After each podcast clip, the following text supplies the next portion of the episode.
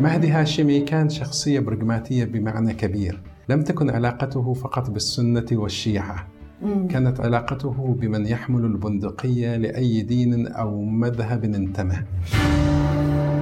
ونفتخر بقيادته وهو أحد رواد الصحوة الإسلامية إعادة الروح. نفتخر بعلاقتنا مع سيد هادي المدرسي. وأعرف من توسط بينهم وبين القيادة السعودية. وأنه إذا أراد التطبيق وإقامة حكم الله في الأرض ينبغي أن يقوم هذا الحكم وهذا النظام على وفق ولاية الفقيه. أهلا بكم للجزء الثاني من حلقتنا عن حزب الله الحجاز ومنظمة الثورة الإسلامية في الجزيرة العربية والحديث عن بروز تيار الإسلام السياسي الشيعي في العراق إلى الخليج. وفي هذا الجزء بنكمل حديثنا في هذا الإطار مع الباحث والدكتور رضوان السيد والباحث حسن المصطفى. بالنسبة لي يعني اللي تحدثنا عنه حضرتك قلت انه كانت لكل دولة آه، أستاذ حسن قلت إن كل دولة كانت لها ظروفها ولها. لكن منظمة العمل الإسلامي حسب ما يعني بياناتها بأنها هي أن لها قصب السبق في ممارسة العمل المسلح منذ الإرهاصات الأولى لتفجير الثورة الإسلامية بالعراق. وينقسم جناح العسكري إلى ثلاث أقسام. قسم عمليات داخل العراق قسم خارج العراق والثالث في إيران. واتخذت من إيران منطلق آه، لعملياتها. آه، وساهم المدرسي في تأسيس ما سمي بالجيش الإسلامي الثوري لتحرير العراق مع شقيقة هذه. طيب. لما إحنا الواحد يشوف هذا هو صحيح في كل دولة لها ظروفها سواء بالنجاحات بالإخفاقات بطريقة التجنيد والاستقطاب. لكن نتكلم إحنا كتيار شيرازي كمرجعيته آه، بأنه آه، هو بالفعل يعني من اليوم الأول تاسس فيه كان عنده الفكرة الرسالية فكرة آه، التدريب العسكري والتدريب الديني وال يعني التبشير. في في الفكرة حقته. من ثم يتم استقطاب الشباب وتجنيدهم من دول خليجية ودول ينطلقوا في حسب الساحات اللي يتم توزيعهم. آه، انت اشرتي فيما تفضلت به إن منظمة العمل الإسلامي منظمه اللي هي العمل الشيرازي هي آه، ولكن هدى لازم ننتبه لحاجة. آه، ليس كل ما يتبع للشيرازي هو خاضع بالضرورة لسلطته المطلقة. الشيرازي كان أشبه بالمظلة وكانت تدار أشياء بالتأكيد يعلم عنها وفي أشياء بالتأكيد لم يكن يدري عنها. أنا هنا لا أبرئ ساحته ولكن ليس لدي معلومات دقيقة لكي أضعها في رقبة الرجل. أنا أقول لك أستاذ زين اسمح لي اسمح لي بس. لأن في في حاجة مهمة. أي. أنت أشرت منظمة العمل الإسلامي. من امتهن العمل المسلح في العراق ليس منظمة العمل الإسلامي وحدها. كان في كان في منظمة بدر كان فيه الشيوعيين كان فيه اليساريين. حتى لو جت بعدهم. أنا قصدي ان إن كانت إن إن كانت إن كانت هنالك معارضات مسلحة ضد نظام البعث الحاكم في العراق. هذه المعارضات المسلحة لم تكن منظمة العمل الإسلامي لوحدها. كان الإسلاميون وكان اليساريون وكان الشيوعيون وكان القوميون يعني أطراف متعددة. الساحة العراقية لا يمكن أن نقيسها ابدا على ما هو في الكويت على ما هو في السعودية على ما هو في في عمان. يعني ساحه مختلفة عامة تماما. عامة ما ك... آه، عامة اسمح أستاذ حسن كان الخطاب ال... ال...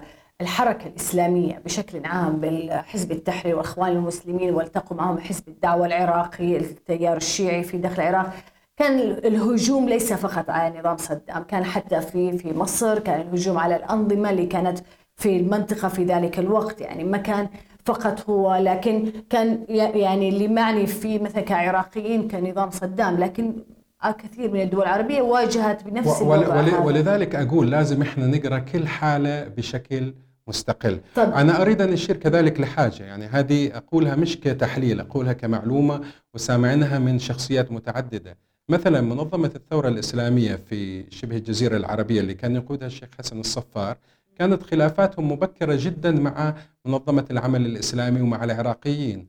كانوا العراقيين وبالتحديد التيار المدرسي يريدوا يسيطروا عليهم ويريدوا أن تكون المنظمة تحت أجندتهم ويريدوا أن يكونوا تحت يعني آه، جناحهم. لكن كانت كانوا اللي يسموا نفسهم ذيك الفترة الجزيريين كانوا يرفضوا هذا الشيء وحدثت صراعات مبكرة.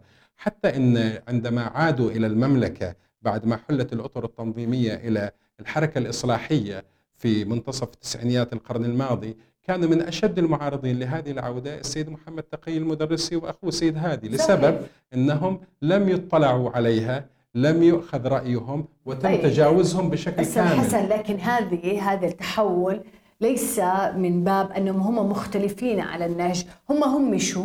يعني حتى لا المجلس هم الحركي أنا أختلف معك. المجلس هم الحركي نفسه لم يعين أي شخص سعودي أو يعني من الخليجيين معهم أنا أنا أنا أختلف معك في هذه. لا كانت في خلافات حقيقية وفعلية بينهم. في خطأ تعميم تجربه الإسلاميين على الكل. الإخوان المسلمين ليسوا داعش وليسوا القاعدة وبالتالي نفس الشيء.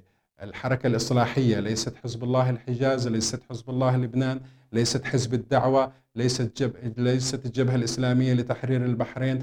صحيح كلهم في النهاية تحت مظلة واحدة اسمها الإسلاميين ولكن الإسلاميون يختلفون تماما في الكثير من التفاصيل. هي نفسها التيار هو تغير الاسم لا اليافطة هي اللي تغيرت لا هي هي هي أي تيار؟ هي عدة أشخاص هي في هي هي مين؟ هي منظمة الثورة الإسلامية في شبه الجزيرة العربية. صحيح. وحدث تغير في الأفكار وحدث تغير في الموقف وهذا التغير مؤرخ تاريخيا وتحديدا متى حدث بشكل كبير. حدث بعد غزو صدام للكويت وقتها الشيخ حسن الصفار أعلن في تصريح أعلن. في نفس فترة الغزو في التسعين أعلن في تصريح نقلته صحيح وكالة رويترز أن إحنا مستعدين للدفاع عن وطننا هذه المملكة وطننا وتم غزو وهناك تهديد بغزوها من نظام صدام وبالتالي لا نقبل ودعا للتطوع والقتال من أجل الدفاع عن المملكة.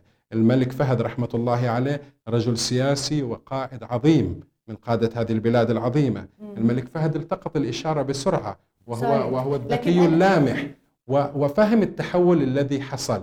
وعمل عليه. هذه بنيجي لهذه النقطة أستاذ لذلك أنا أعيد وأكرر لا نضعهم كلهم في سلة واحدة يتشابهون في أشياء ويختلفون في أشياء. لا أنت يعني أنا أوكي أتفق معك أن يكون الفرد الشخص مثلا كان في داخل التنظيم هو اللي اختلف أو تغير لكن التنظيم أنه يتحول بين يوم وليلة أنا كان أمس اسمه كذا بعدين ثاني يوم غير اسمه كذا فعلى أساس هذا هو غير ليس تحول ما بين يوم وليلة. تحول فكره تماما. ليس تحول ما بين يوم وليلة. هذا التحول تم عبر مراجعة تمت لسنوات عبر تجارب مريرة عبر خلافات داخلية.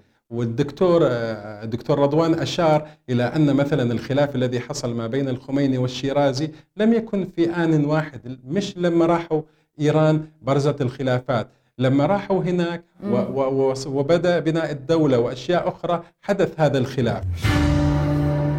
انتقل الشيرازي من كربلاء إلى الكويت في عام 1970 هرب من نظام البعث في العراق فاتخذ قرارا بالتوجه إلى الكويت برفقة عدد من أنصاره ومؤيديه وبدأ هناك بتأسيس تياره في الخليج الذي عرف لاحقا بالتيار الشيرازي أو الجماعة الشيرازية حيث أقام حوزة علمية يلقي فيها خطبة ودروسه وهي مدرسة الإمام الأعظم. وبنى بقربها جامع كان مقرا لنشاطه في العراق وإيران. وبنى لاحقا مدرستين في لبنان وسوريا تستقطب الشباب من الدول الخليجية. وتعددت الانتماءات الوطنية للأفراد الحركيين فباتت تضم الحركة الرسالية بالإضافة إلى العراقيين عناصر من السعودية والبحرين والكويت وبعض من دول الخليج الأخرى. وكذلك إيران. وعينت قيادة حركة الطلائع الرسالية مشرفين لها في كل بلد. أبغى أشغل مقطع الله يسلمك يا أستاذ حسن وأستاذ رضوان. آه نسمع مع بعض. هذا الشهيد شلون تربى؟ هذا الشهيد ما هي الأفكار التي حملها حتى صار هالشكل رمز اللي العالم يقوم ولا يقعد من أجله؟ نروح ونأيد ذاك الخط الرسالي الذي تخرج منه هذا الشهيد هذا البطل. وهذه مسؤوليتنا إحنا مسؤولية الناس ليش؟ لأن المدارس مختلفة. وكل مدرسة إلها خصائصها وإلها إيجابياتها. ولكن بعضها أفضل من بعض. المدرسة اللي تخرج مثل الشهيد النمر هاي المدرسة جدير بنا أن نؤيدها ونبين دورها. ونكثر من أمثالها حتى يتخرج مثله في بلادنا. لا يبقى وحده. وهذا الخط ممتد. هذا الخط ممتد. ولا تعتقدون أن الشهيد واحد. طيب أنا أبغاك تقول لي على موضوع الشيرازي. هل البعض بيشوف أنه هو التيار الشيرازي أو المرجعية الشيرازية لم تتبنى العنف؟ فأبغى أعرف دكتور رضوان أنت شو رأيك في هذا الموضوع؟ هل تتفق مع هذا الشيء؟ في كثير من الح...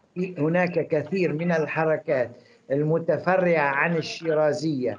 آه، آه، اعتنقت العنف ولكن آه، منذ أواسط التسعينات وبخاصة في المملكة العربية السعودية غير التيارات الأخرى التي ظهرت في المملكة كانت قيادتها إيرانية مباشرة وإن كان الأعضاء سعوديون.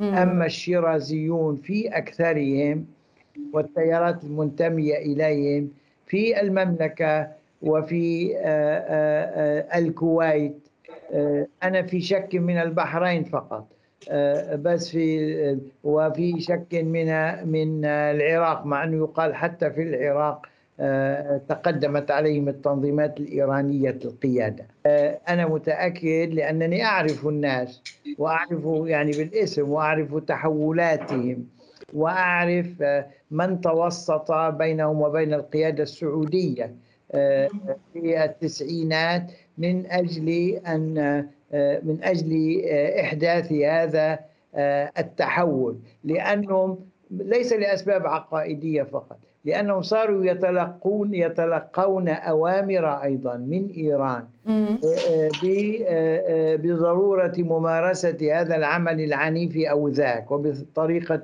وبالاشتغال على قسمة المجتمع إن كان في البحرين وإن كان في السعودية وإن كان في الكويت. كثير منهم بل أكثرهم في المملكة ما دخلوا في ذلك. وكثير منهم منسوبون إلى الشيرازية من الناحية العقدية بالعكس هم شيعة متشددون ولكن من ناحية السلوك ليسوا ذوي خرجوا من السلوك القتالي وخرجوا من من الأعمال آه، العنيفة. لكن كلها مش عارف يعني يمكن حسن المصطفى يكون وجهة نظره غير وجهة نظري لكن دكتور مو آه، كثير من عناصر الطلائع الرساليين يعني آه، استقطبتهم التنظيمات الراديكالية المسلحة الشيعية بعد ما تم آه، يعني يعني تحولاتها. تنظيمات الراديكالية المسلحة ذات القيادة الإيرانية. بالضبط نعم. يعني يعني كانت في خميرة كانت جهزت ومستعدة وكل شيء من الطليعة الرسالية اللي تدرب في المعسكرات.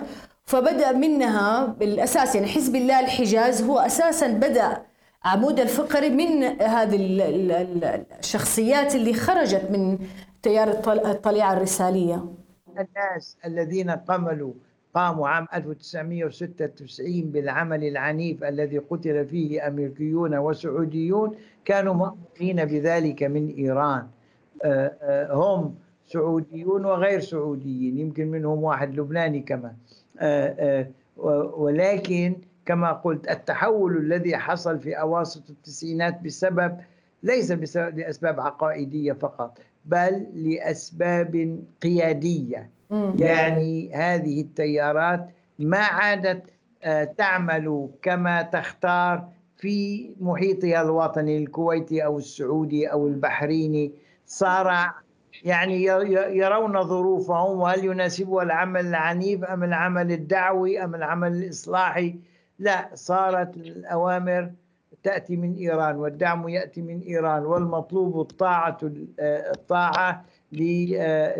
للأوامر الإيرانية فخرج أكثرهم خرج أكثرهم من الأعمال العنيفة التي توجهها إيران مباشرة وأنا أظن أن العمليتين تساوقتا بمعنى أن العملية النقد العقدي تساوقت مع عملية النقد السلوكي في تغيير السلوك. هل هل وفاة الخميني 89 آه، كان له دور في هذا العودة عودة وإعادة النظر في وضعهم.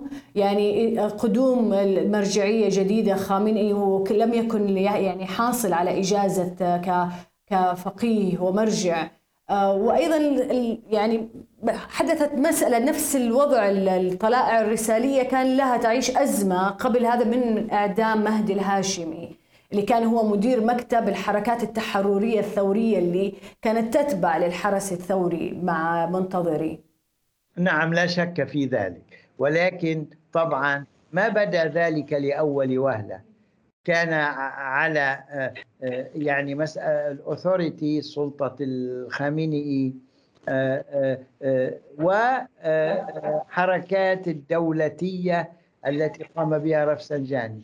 سنتين ثلاثة أنتم تعرفون أنه وقتها حدثت الحرب العراقية الأمريكية غزو العراق للكويت.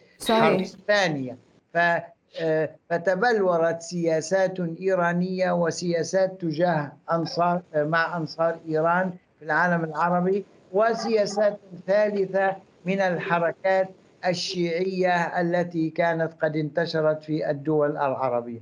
يعني نستطيع أن نقول إنه بين 89 وفاة الخميني و 93 حتى بدأت تتبلور حتى لدى حزب الدعوة.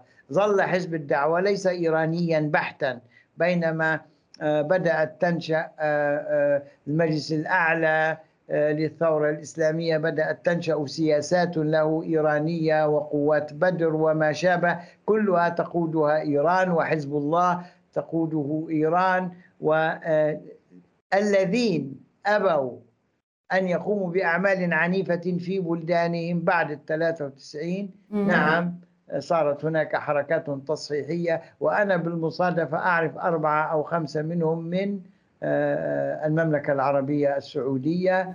لا الناس وقتها بدأوا يشكون لي ويطلبون الوساطة بينهم وبين الحكومة السعودية وقد حصل ذلك من جهات متعددة نعم صار هناك تحول سلوكي على الأرض صاحبه تحول عقدي والإصلاحيتان آه، الشيعية والسنية والسلميتان الوطنيتان آه، السنية والشيعية بدأت حوالي أواسط التسعينات في حين صار هناك المتطرفون الراديكاليون عند السنة والمتطرفون الراديكاليون الذين تقودهم إيران عند الشيعة. وشكرا لكم. يعطيك العافية دكتور شكرا جزيلا. أستاذ حسن أبغى نسمع مع بعض آه، يعني جزء من مقابلة كنت أجريتها مع شخص اسمه أحمد راشد. وهو أحد الشخصيات المدربين العسكريين اللي كانوا ضمن تنظيم الجهاد المصري وكان آه، في أفغانستان. آه، طبعا كان في حلقتنا عن تنظيم القاعدة في الجزء الثاني. وأنا عرفت الطلب جاسم مين؟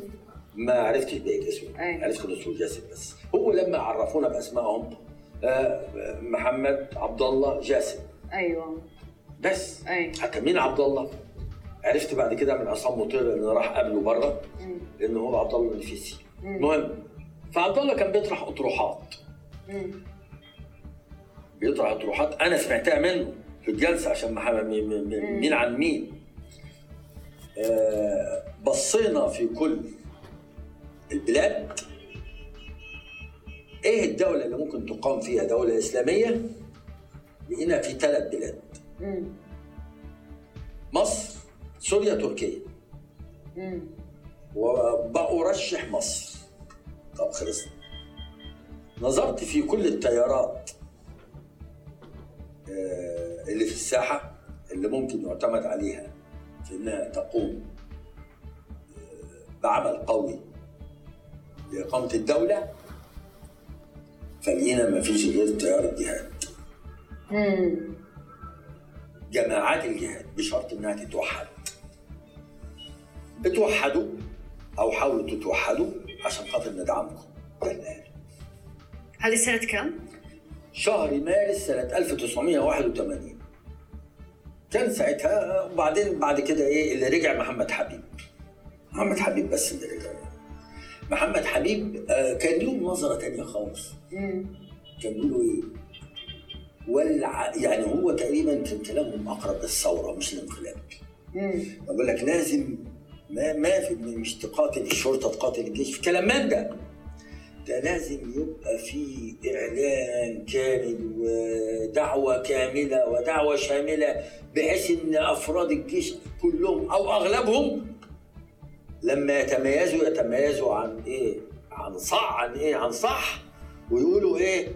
يعرفوا انهم بيحاربوا دعوة الإسلام. ونظرتهم كده. فعايزين حاجة أشبه بالثوره الثورة الإيرانية. مهدي هاشمي كان ماسك مؤسسة تصدير الثورة في إيران. الراجل ده كان ليه نظرية ثانية خالص. مخالفة ليهم عشان كده أعدموه بعد كده. أعدموه داخل إيران. أساعد السنة والشيعة بدون أي انتماءات وبدون أي شروط.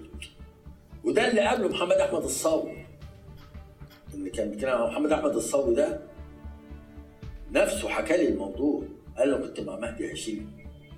وبعد ما مشيت عرفت إنه قبضوا عليه قال لهم ما هو كان بيتكلم عن عناصر الجهاد راحت هناك. طيب حلو. اللي منها محمد الصاوي واسامه حميد أنا عرفت ان اسامه حميد تم دعوته لكن ما عرفتش إنه راح. لكن. ما يمنعش.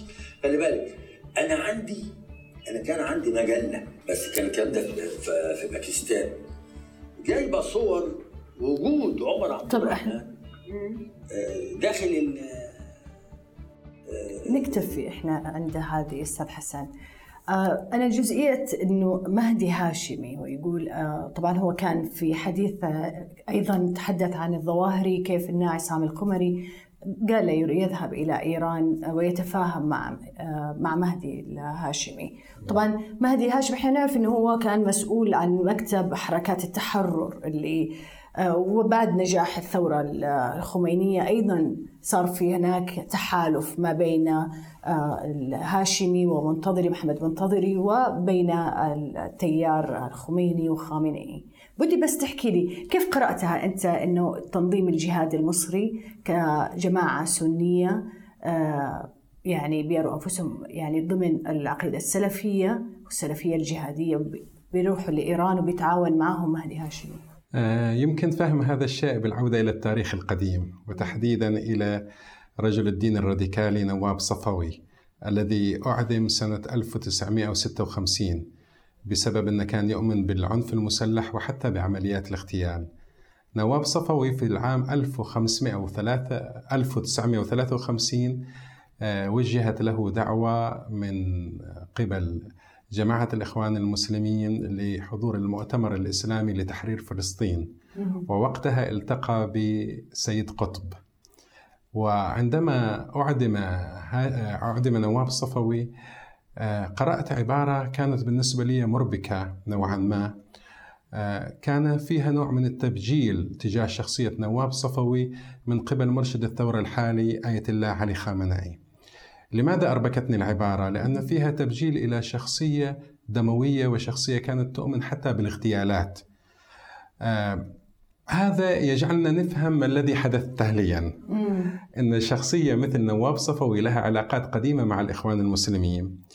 وتاليا الذي حصل حتى أن مرشد الثورة السيد علي خامنئي قام بترجمة أجزاء إن لم يكن كاملا لتفسير القرآن مم. للسيد قطب. صحيح. وعند انتصار الثورة الإسلامية في إيران صارت الثورة بمثابة القبلة لكل هؤلاء الإسلاميين. آه، محمد ها... آه، مهدي هاشمي كان شخصية برغماتية بمعنى كبير.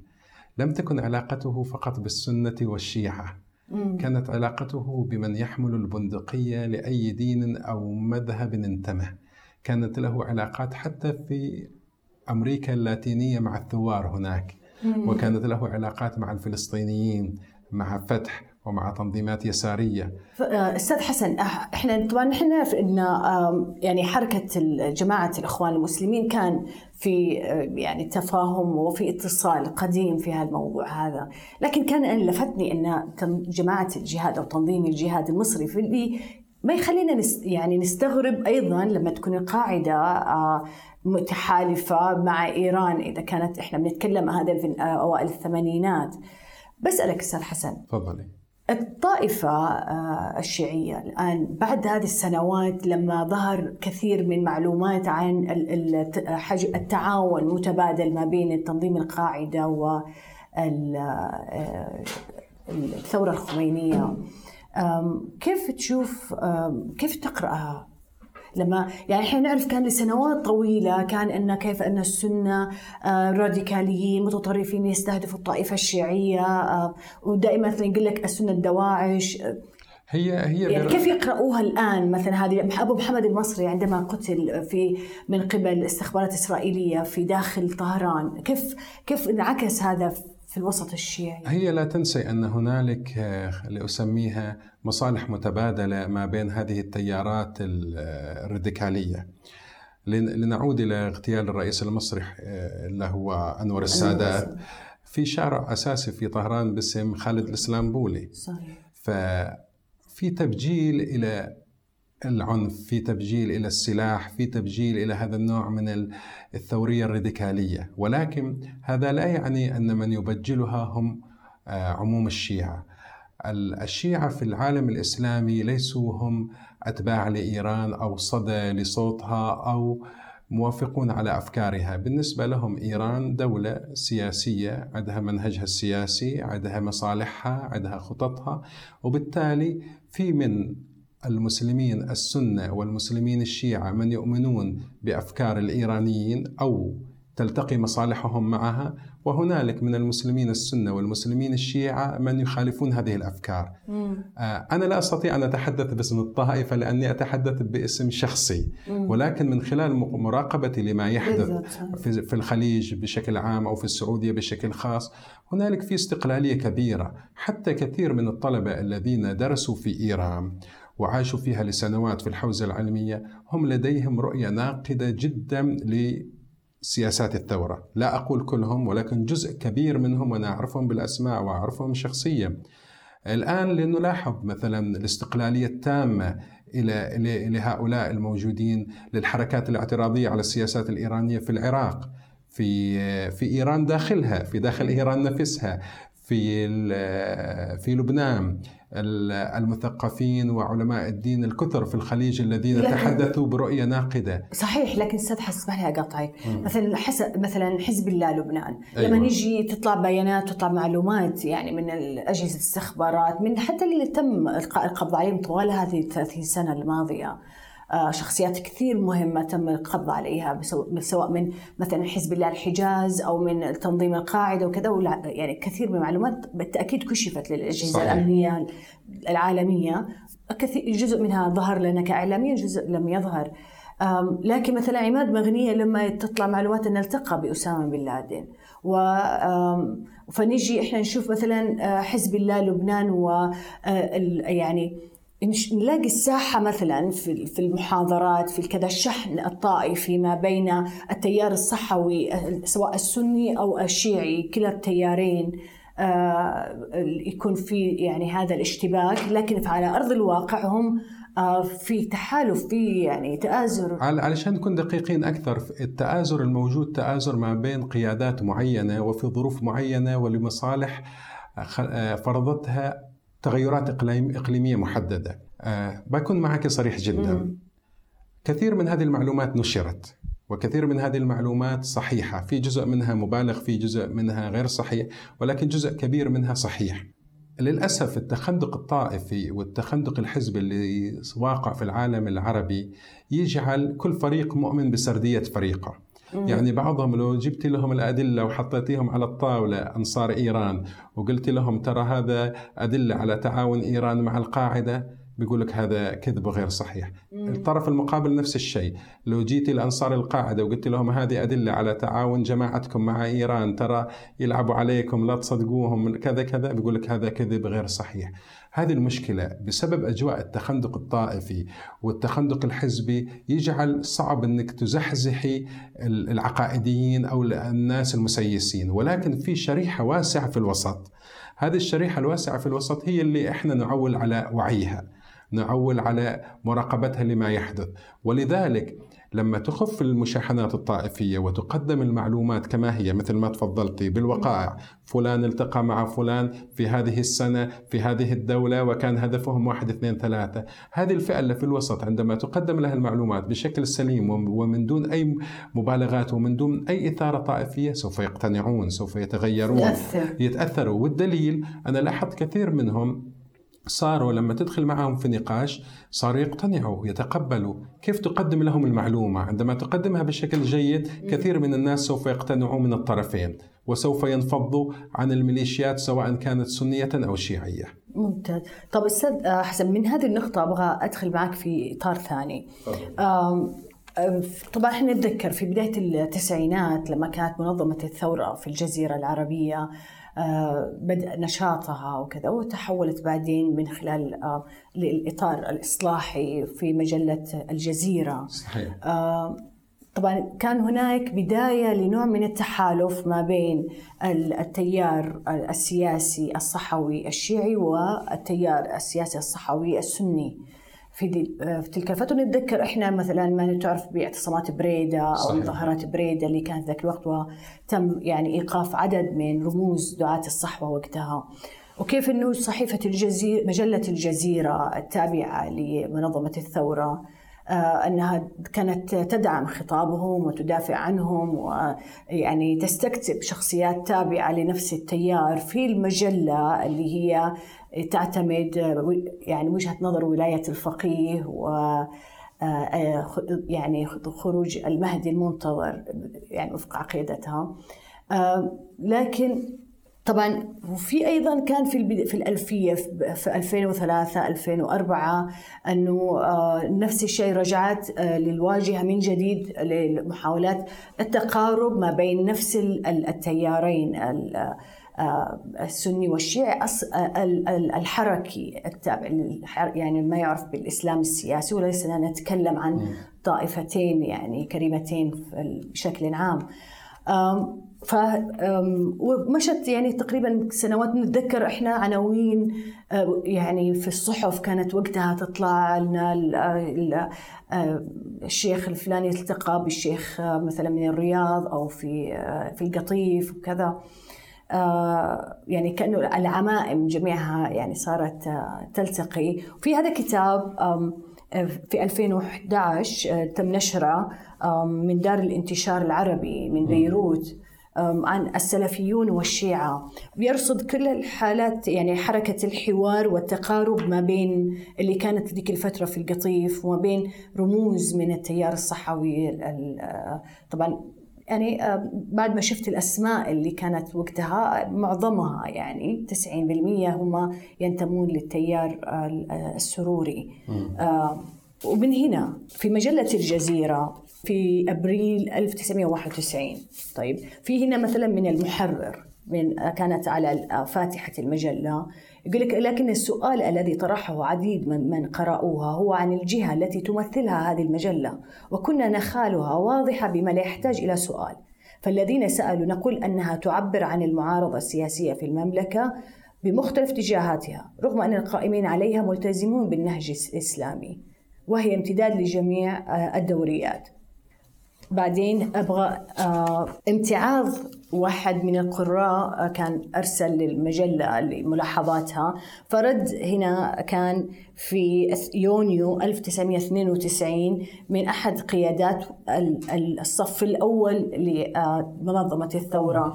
فكتب هذا يعني ولا يعني دون أن أسميه. فهو يقول أخذت مسألة الحوار بين الحركات والتجمعات الإسلامية تطرح بصورة جدية في العديد من البلدان الإسلامية. فما أفق هذه العلاقة بينكم وبين التيار السلفي في البلاد؟ فقال إننا ننظر إلى إلى حركة المعارضة السلفية بارتياح كبير للأسباب التالية لأن ذلك يضعف شرعية النظام بتوظيف البعد الديني آه، ثانيا لإخراج التيار السلفي من الأطر الضيقة التي كان يركز عليها كبعض المسائل الشكلية والجزئية كتقصير الثياب وإطلاق اللحى واستخدام السواك. فإنها وإن كانت واردة في النصوص الشرعية لكن لا يصح الانشغال والاكتفاء بها عن الاهتمام بالقضايا الأهم على الصعيد السياسي والاجتماعي. ثالثا للتيار السلفي قاعدته الشعبية وأتباعه المؤيدون. وحينما يأخذ موقف المعارضة فإن ذلك يعني دخول قوة جديدة مؤثرة في ساحة الصراع مع النظام والضغط عليه. آه، طرحت قضايا عديدة في سؤالك الأخير وأنا راح أجاوب عليها بشكل سريع بس عندي ملاحظات منهجية. يجب أن لا نخلط ما بين العقيدة وما بين السياسة.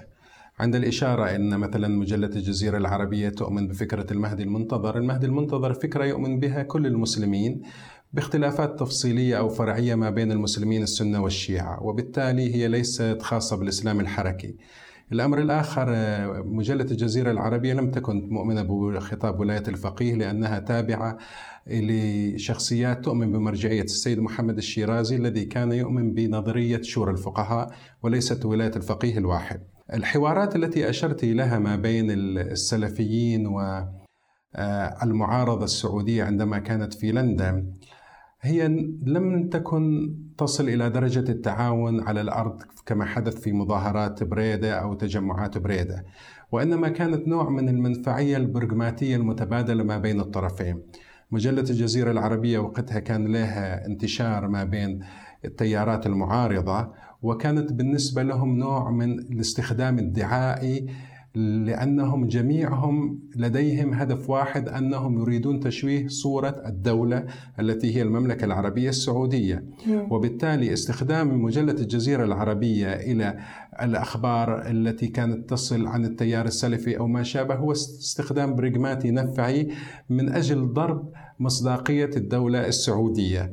وحتى التعاون الذي كان في فترة من الفترات ما بين بعض عناصر الجزء اللي هي آه، المعارضة في الخارج والمسعري مثلا وهو حاصل الآن مثلا في في التعاون ما بين حمزة الحسن أو فؤاد إبراهيم من جهة والدكتور محمد المسعري من جهة أخرى، ليس لإيمان كل طرف بأحقية تعدد الآراء وحرية التعبير والتعدد في وجهات النظر وإنما هو استخدام برغماتي من أجل ضرب صدقية الدولة. ولكن هذا طيب. كلام لا ينطوي على الحقائق يعني على على على المتابعين. في هناك حاجة مهمة. أن الحوارات التي أشرت لها التي كانت موجودة على الأرض هذه أنا في رأيي ممكن تقسيمها لعدة أنواع من الحوارات. في حوارات كانت تتم برعاية رسمية من الحكومة السعودية ومن يعني تحت سقف الدعوة إلى الحوار التي دعا لها الراحل رحمة الله عليه الملك عبد الله بن عبد العزيز. صحيح. وهذه الحوارات كانت من أجل مصلحة البلد من أجل تخفيف الاحتقان الطائفي. صحيح. بعض الزيارات التي كانت المرحلة الثانية. المرحلة الثانية التي حصلت فيها الزيارات هذه كانت جزء منها أيضا زيارات محمودة شاركت فيها شخصيات وطنية من أجل تخفيف الاحتقان الطائفي. هنالك جزء منها كان في حركيين. أنا بضرب لك مثال. زيارة كانت من سعد البريك استضاف وقتها الشيخ حسن الصفار. هذه أثارت لغط كبير في المجتمع في القطيف. نظروا لها بامتعاض. أن هذه زيارة من شخص يحمل خطاب طائفي بغيض ضد مواطنين ويأتي لينتقص منهم في وسط يعني بلدتهم.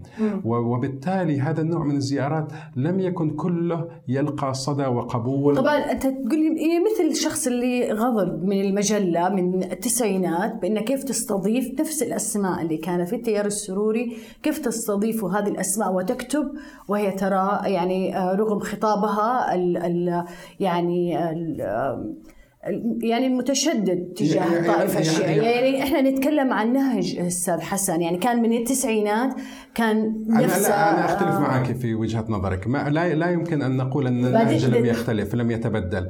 في سياقات زمنية وسياقات سياسية وسياقات ثقافية واجتماعية تتبدل. آه، هنالك أزمة عند التيارات الإسلامية السنية والشيعية تكمن في رغبتها على الاستحواذ في رغبتها على السيطرة في عدم خروجها من العباءة الحزبية. هذا صحيح. ولكن هذا لا يعني أن جميع هذه هذه التيارات ثابتة أو لم تتبدل. بعضها ربما حصل إليه تطور ثم انتكاسة. وبعضها ربما كان راديكاليا وأصبح أكثر اعتدالا لن أقول ليبراليا. طب أسألك أستاذ حسن. إيه حضرتك من خبرتك في خط الإمام وأنت كنت يعني ضمن هذا الخط. إلى أي مدى كان في خط الإمام أيضا عنده نفس العقيدة هذه نفس الفكرة في موضوع تحالف مع التيار الصحوي أو التابع للشق السني الإسلامي تيار خط الإمام لم يكن برغماتيا بهذه الطريقة. كان أكثر عقائدية وأكثر راديكالية. ولكن لم يكن كذلك لأكن منصف في الفترة التي يقولوا أن التيار الشيرازي هو الأكثر عقائدية لا التيار الشيرازي ليس تيار واحد أيضا هو تيارات عدة. تيار خط الإمام مثلا في الفترة اللي كنا نؤمن فيها بهذه الأفكار لم تكن لدينا مثلا أي إشكالية تجاه المسلمين السنة. كنا عندما نذهب إلى المدينة المنورة أو الحرم المكي الشريف نصلي خلف إمام الحرم المكي. وكنا نلوم الأصدقاء الذين يخرجون ولا يصلون جماعة خلف إمام الحرم المكي لأن كنا نؤمن بضرورة الوحدة الإسلامية وعدم إعلاء شأن الخلافات ولكن لم تكن لديهم لأسميها البرغماتية السياسية التي كانت موجودة عند آه، الحركة الإصلاحية التي كانت من قبل منظمة الثورة بسبب أنهم الحركة الإصلاحية تجربتها أكثر امتداد وأكثر ديمومة. حزب الله الحجاز الذي هو بالأساس تنظيم أنشئ تاليا بعد أحداث الحرم المكي الشريف العام 1987 كردة فعل من الإيرانيين لأنهم كانوا يريدوا من يخدم مصالحهم لضرب الداخل السعودي كعملية ثأر وانتقام. آه، وبالتالي هنالك ظروف نشأة مختلفة بيئات فكرية مختلفة. آه، ظروف أدت إلى نهايات متباينة. ولكن الحمد لله أننا في تلك الفترة كشباب كنا مؤمنين ببعض الأفكار لم ننخرط في التنظيم بالمعنى الحزبي أو المعنى آه، الهيكلي ولم على الأقل المجموعة اللي كنت أنا من ضمنهم المقربين أكثرهم لم ينخرطوا في العنف أو حمل السلاح. ونجانا الله منها. الحمد لله. أنا بس أبغى أنوه لفكرة لما تحدثت عن إيمان بمهدي منتظر أنا ما أقصده الإيمان فيها كفكرة سياسية وليست كما تأتي يعني بعيدة عن التحريك كما يفعل تيارات الإسلام السياسي الحركي في جعلها أنها هي سببا لإقامة الدولة الإسلامية يعني. أنا أشكرك أستاذ حسن، أنا كان ودي كثير إني أتناقش معك في كثير من الملفات لكن الوقت للأسف لم يسعفنا، وتأكيدا لمقولة أن الأفكار لا تموت بموت أصحابها الجسدي فقد ظلت أفكار الشيرازي والخميني التثويرية فاعلة لدى جماهيرها ومن أسباب استمرارها بقاء المؤسسات التي ترعاها وعلى رأسها النظام الإيراني نفسه والمنظمات والهياكل الشيرازية وأخيرا أحب أني أنوه إني حرصت على استضافة من كان أو لا زال يمثل التيار الشيرازي سواء كان في داخل السعودية أو خارجها. أو أي شخصية عربية. لكن الاعتذار عن المشاركة كان القاسم المشترك من يعني كافة الشخصيات اللي أنا تواصل شخصيا تواصلت معها. الدعوة ما زالت مفتوحة فالموضوع متشعب ويحتاج لمزيد من النقاش. هذا جماعات وأنا هدى الصالح.